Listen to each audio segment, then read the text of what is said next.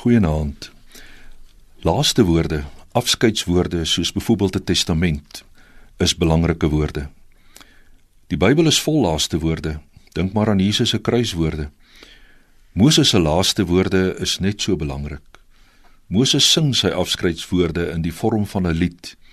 Ons lees in Deuteronomium 32 vers 10 tot 12. Hy het sy volk in die woestyn gevind in 'n onbewoonbare land waar woestyndiere skreeu. Deur het sy volk omhels, om vertroetel en versorg soos die appel van sy oog.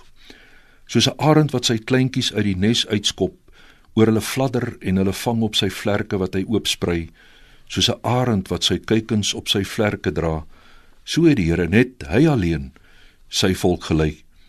Daar was nie 'n ander god by hom nie.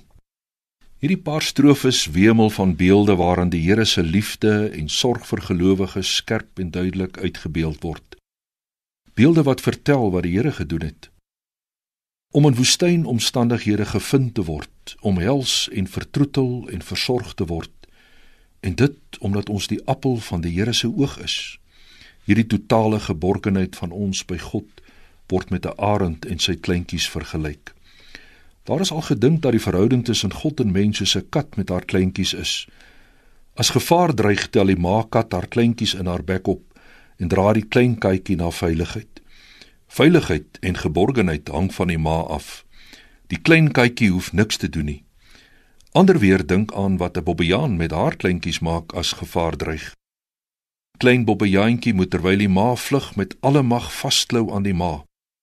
Veiligheid en geborgenheid hang dus net af van die klein bobbejaantjie se vasklou aan die ma. Moses sing 'n ander dientjie. Vers 11: Die arend skop sy kleintjies uit die nes uit. Hulle moet self vlieg.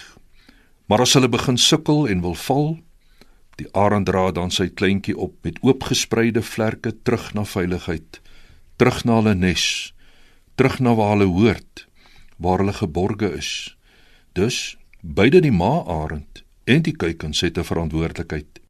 Die kuikens om te vlieg, die ma wat met oopgespreide vlerke toesien dat die kleintjie as hy vlieg te moeilik raak, die nes geborgenheid gewaarborg is.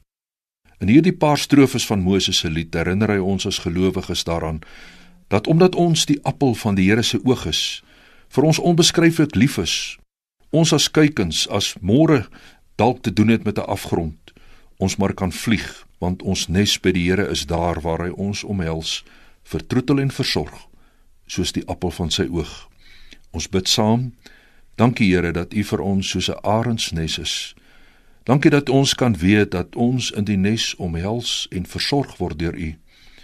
Help ons om te onthou dat wanneer ons moet vlieg hierdie geborgenes vir ons 'n werklikheid is.